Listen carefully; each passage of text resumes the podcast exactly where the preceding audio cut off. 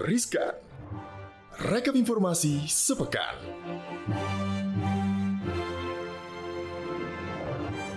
Hai Sobat Cuan Hai hai. Apa kabar Sobat Cuan di Semoga baik ya. tahun macan air, ya? Air.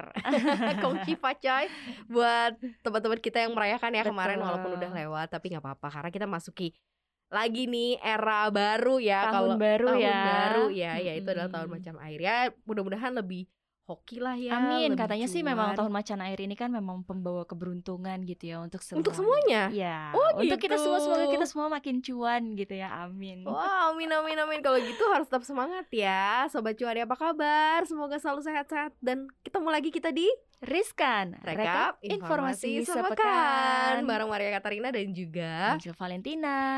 Oke, seperti biasa kalau ada dua ciwi-ciwi ini kita selalu kasih info-info yang Info up to yang enggak ya. kaleng-kaleng ya, Kak. Oh iya dong, Oh. masa kaleng? Infonya pasti nggak kaleng karena kan dari cuap-cuap cuan pastinya Betul. ya. Pertama, ini ada cek aturan terbaru karantina dari luar negeri.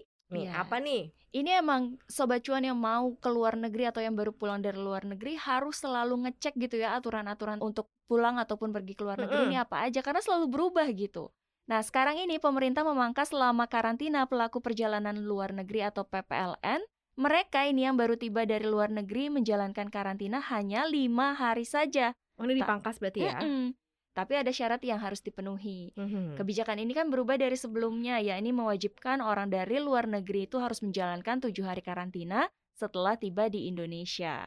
Nah, mereka yang bisa menjalankan karantina lima hari hanya untuk warga negara Indonesia dan warga negara asing yang sudah mendapatkan dua dosis vaksin COVID-19 Oh. alias vaksin lengkap. Ya ya ya dan kebijakan baru ini juga tidak berlaku bagi PPLN yang baru mendapatkan satu dosis vaksin COVID-19.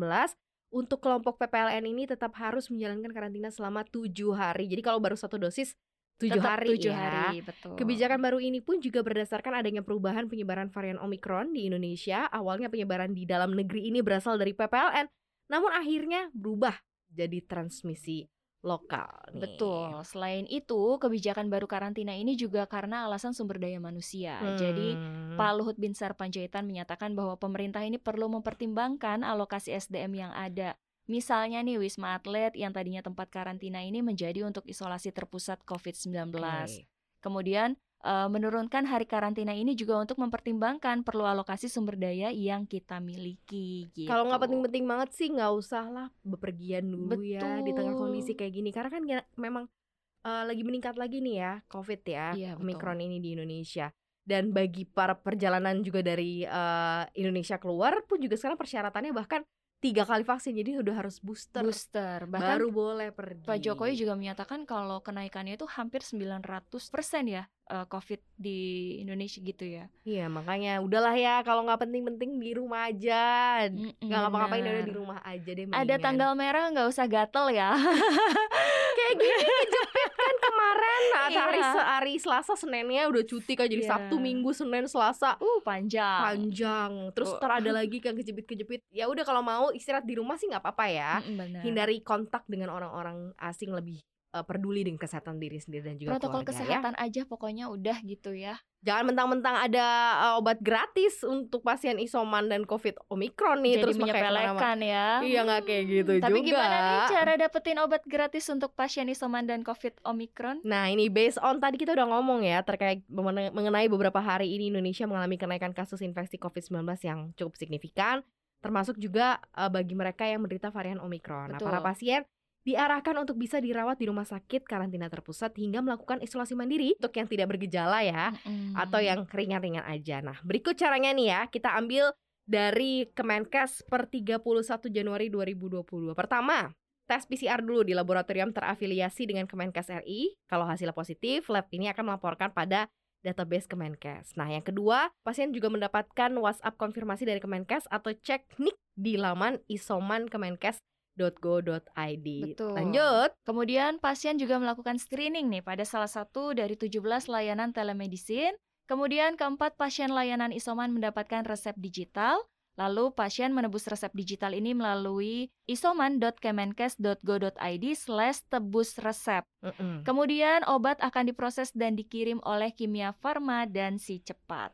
Kalau kita lihat nih pemerintah Ya. melalui Kementerian Kesehatan ini kan membagikan obat gratis buat pasien yang melakukan isoman melalui taya, eh, melalui layanan telemedicine ya kan. Yes. Nah, layanan telemedicine ini akan memberikan obat sesuai dengan tingkat gejala pasien.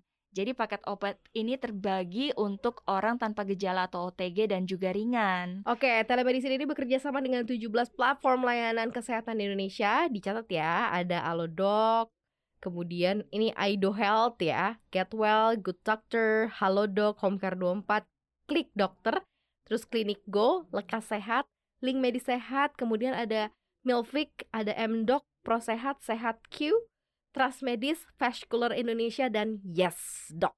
Nah, Oke. jangan mentang-mentang ah ada obat gratis ini terus lupa ataupun lalai gitu ya. Eh, jangan deh jauh-jauhin ya karena sebenarnya mungkin kalau kita yang terpapar kita bisa apa ya mungkin kita bisa ngerasa tubuh kita kuat kita nggak tahu orang yang kita tularin ini bagaimana, Bagaimana efeknya untuk ya? orang Efeknya lain untuk ya. orang lain. Karena Jadi- imun tiap orang Betul. beda-beda gitu Betul. ya. jadi kalau misalnya ngerasa oh gue nggak apa-apa kayaknya nih kena agak-agak flu-flu atau gimana jangan kayak langsung kepikiran nggak masalah gue tapi orang sekitar lo tolong Iya. ya Dan kalau sekarang tuh kalau misalnya kayak flu atau eh, masuk angin gitu ya, jangan anggap sepele juga. Benar, Coba langsung benar. PCR aja, mungkin Mm-mm, aja itu mm-mm. jadi gejala dari Omikron gitu Iya, ya. jadi bisa langsung isoman, isolasi mandiri di rumah, minum obat-obatan yang proper juga gitu Betul ya, sobat cuan ya. Ini juga menggembirakan Oke, karena yang dilarang sudah tidak kembali dilarang. karena larang melarang yang sampai dengan tanggal 31 Januari kemarin sudah dicabut Akhirnya ya. dicabut. Gitu. Soal larangan ekspor batu bara yang resmi sudah dicabut, di mana Kementerian Energi dan Sumber Daya Mineral akhirnya mencabut larangan ekspor batu bara. Pelarangan ekspor batu bara yang berlaku sejak 1 sampai dengan 31 Januari 2022 itu akhirnya dibuka kembali pada 1 Februari 2022. Gitu, Jal. Adapun Cus. kegiatan ekspor ini berlaku buat pemegang izin usaha pertambangan atau IUP atau izin usaha pertambangan khusus atau IUPK, tahap kegiatan operasi produksi, kemudian IUPK sebagai kelanjutan operasi kontrak, perjanjian dan PKP2B. Langkah ini dilakukan guna menjamin terpenuhinya pasokan batubara untuk pembangkit listrik. Nah, Direktur Jenderal Mineral dan Batubara Kementerian ESDM Ridwan Jamaluddin menyampaikan, dibukanya kembali keran ekspor batubara kepada seluruh perusahaan batubara karena mempertimbangkan kondisi pasokan batubara dan persediaan batubara pada pembangkit listrik tenaga uap milik PT PLN Persero dan produsen listrik swasta yang sekarang ini semakin membaik. Hmm, nah dibukanya keran ekspor batu bara ini ditujukan bagi perusahaan yang telah memenuhi kewajiban DMO ya, Domestic Market Obligations, dan atau telah menyampaikan surat pernyataan bersedia membayar denda atau dana kompensasi atas kekurangan DMO di tahun 2021 lalu. Sementara bagi perusahaan tambang yang belum memenuhi DMO di tahun 2021 dan belum menyampaikan surat pernyataan bersedia membayar denda atau dana kompensasi atas kekurangan DMO di 2021, sorry sorry belum diizinkan nih untuk melakukan penjualan batu bara ke luar negeri. Jadi kalau mau diizinkan, ayo segera bayar denda supaya bisa langsung dapat cuan lagi. ya karena kan kalau dijual di domestic market obligation, kalau bagi para penambang tuh kan cuman Mm. Dapatnya ya 70 dolar Amerika Mm-mm, Serikat sementara mm-mm. kan harga commodity price-nya kan 220 200 US dollar per Hmm. metric ton ya. Gimana tuh kalau jual di domestik kan berdasarkan harga market untuk kebutuhan PLN di 70 dolar. Kalau jual keluar ya tiga kali lipatnya. Ya gitu ya. Jadi ya demi cuan bersama ya monggo silahkan ini kan sebagai eh, ini juga sebagai salah satu amanat dari undang-undang kan Betul. semua hasil bumi itu eh, Harus juga diperuntukkan diber- untuk eh, masyarakat, masyarakat. atau kesejahteraan rakyat ya. Betul. Tapi kalau yang ini bukan nih Ini karena bukan. ada yang Big Nono kayaknya ya. Big Oh kok Big Nono? Binomo. Ini Binomo. ini gimana nih? Aduh, bahkan Mendak aja ngomong katanya tangkepin semua katanya. Betul, karena ini kan udah termasuk perjudian berkedok investasi nih. Karena Hmm. kian marak dalam beberapa waktu terakhir. Masyarakat yang mengalami kerugian juga makin banyak. Dan Komisi 6 DPR RI meminta agar Menteri Perdagangan Muhammad Lutfi agar segera bergerak dan bertindak. Namun Lutfi ini mengungkapkan bahwa kewenangan untuk mengendalikannya ada di dua lembaga. Mhm. Jadi ini tuh kayak ada di zona abu-abu gitu. Ketika transaksi keuangan dengan efek ini kan berada di bawah kendali OJK. Sementara kalau komoditas ini adanya di Bapepti. Bapepti, ya ya ya. Gitu. Kewenangan antar lembaga itu yang akhirnya membuat pengendalian seperti nggak terjaga ya. Bapepti, Kemendak sendiri kerap memblokir ratusan situs binary option yang nggak jelas perizinannya. Nah, salah satu yang paling sering muncul adalah binomo ini. Namun seperti tidak kehabisan bensin, keberadaannya terus muncul. Nah, Pak Lutfi sempat bilang juga mereka ini jalan sendiri katanya di tengah izin sekolah komputer tapi kumpulkan dana masyarakat. MLN menggunakan dana pakai uang itu ponzi. Takepin semua udah selesai katanya. Hmm, Ini hati-hati. skema-skema yang memang gampang ter apa ya terhasut sih masyarakat dengan Betul. skema-skema kayak gini nih. Nah, makanya Sobat Cuan kalau misalnya mau terhindar dari rayu-rayu binomo CS ini, coba cek Instagramnya Cop Cop Cuan. Udah ada tipsnya di situ Betul. gitu ya. Akibat maraknya fenomena ini, Kak, banyak banget masyarakat yang tertipu sampai harus kehilangan uang. Apalagi nih, iming-iming semakin kencang dengan dugaan terlibatnya influencer atau Hmm. afiliator pada binary option ini. Iya ya, karena ya namanya investasi itu butuh proses ya. Betul. Butuh belajar, nggak bisa juga kita Nggak ada yang instan. nggak ada yang instan. Kita juga pernah bahas berkali-kali di konten-konten kita di cuap-cuap cuan uang sejuta bisa jadi berapa, beli seju- Mm-mm. sejuta eh, bisa nggak langsung jadi kaya. Yang kayak gitu-gitu kan agak nggak realistis kalau kamu Betul. masukin duit sejuta terus dijanjikan nanti satu miliar gitu kan. Betul. Nggak mungkin itu. Kalau ada mah, aduh, Tapi ini nih yang udah pasti mungkin nih kak. ini ada ini kalau ini Hmm. ada. Ini tren ya? Ini tren. tren atau ikut-ikutan? Nggak Ya. ngerti.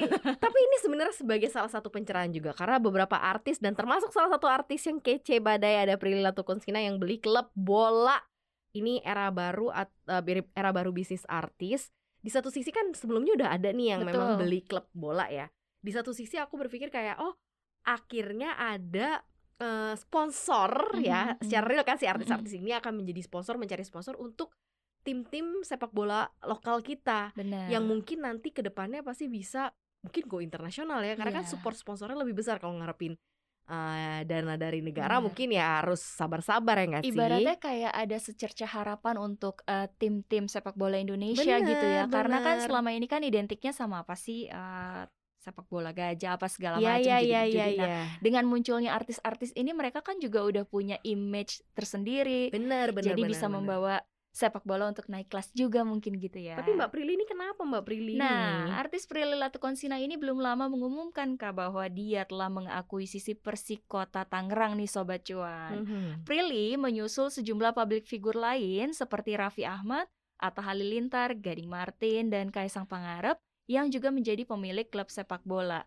Yang istimewa, Prilly disebut sebagai perempuan pertama yang mengakuisisi tim olahraga tanah air tuh. Kece nggak tuh? Nah, melihat tren ini, pakar marketing dan managing partner Inventure, Yuswo Hadi menyebutkan bahwa wajar jika artis menjadi pemilik klub sepak bola karena secara bisnis ya memang bisa menguntungkan. Apalagi mereka kan udah memiliki banyak penggemar, pengikut di media sosial yang bisa Benar. mendongkrak nama klub tersebut Mm-mm. dan ya ini nih mendatangkan banyak sponsor Akhirnya iklan. ya. Ujung-ujungnya tuh pasti cuan deh. Benar. Meskipun begitu, Yusuf Hadi ini eh, menilai tetap ada unsur ikut-ikutannya gitu.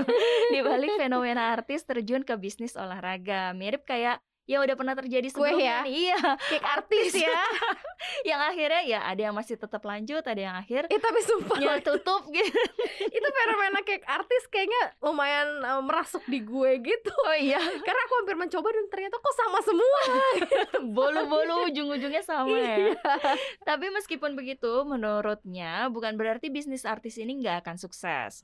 Kalau klub sepak bola ini dikelola secara serius dengan manajerial yang juga kuat, kepemilikan bisnis di bidang itu diyakini akan langgeng atau berkelanjutan. Tapi sebaliknya, kalau artis yang bersangkutan ini enggak oke ngurusnya gitu ya, Mm-mm. maka diprediksi ya nggak akan lama di bisnis ini. Sama kayak bisnis kue, Iya iya. oleh-oleh. Mudah-mudahan sih ini nggak jadi angin surga di awal-awal aja ya. Karena kita Benar, kan benar. berharap sebenarnya klub-klub lokal yang ada di Indonesia ini berkembang. Kalau ada sponsor yang besar melalui para artis ini kan akhirnya Mm-mm. mereka bukan hanya nanti bukan hanya berkembang ikut kejuaraan-kejuaraan dalam negeri tapi bisa Go internasional. terus juga kesejahteraan yang paling penting ya karena kan jadi atlet itu yang masih eh, ditanda tanyain sekarang kesejahteraannya seperti apa nah itu Mm-mm. yang harus dijaga. Jadi jangan ikutan tren doang, komitmennya Iya, para artis juga harus dong. Harus sampai akhir ya, sampai sukses nih Kasian semuanya. dong teman-teman atlet Indonesia ya kan. Mungkin next Angel mau mau Saya beli, mau beli ah, Persikota udah dibeli. Tangerang ya? udah Bekasi mungkin Kabarnya Bekasi FC. Bekasi FC mungkin ya next ya. Tapi nggak apa-apa semangat buat eh, klub-klub eh, lokal eh, Indonesia ya. Ya. Yakin lah ya. Karena kan fansnya fanbase-nya juga udah tinggi tinggal Besar butuh betul. suntikan yang besar. Gitu aja deh sobat cuan kayaknya keseruan kita menuju weekend di Yes. pekan ini. Jangan lupa terus jaga kesehatan dan jangan lupa juga dengerin podcast cuap-cuap cuan yang ada di mana aja, Jel. Ada di Spotify, Apple Podcast, Google Podcast, dan juga Anchor. Kemudian kalian juga bisa cek materi-materi informasi yang menarik lainnya ada di Instagram at cuap underscore cuan. Dan juga jangan lupa like, share, komen ya YouTube channel kita di cuap-cuap cuan supaya kita bisa semangat terus untuk bikin konten yang lebih seru lagi buat sobat Betul. cuan ya. So akhirnya Maria Katarina pamit. Angel pamit. Happy Happy. Friday. Bye sobat cuan. Sobat cuan.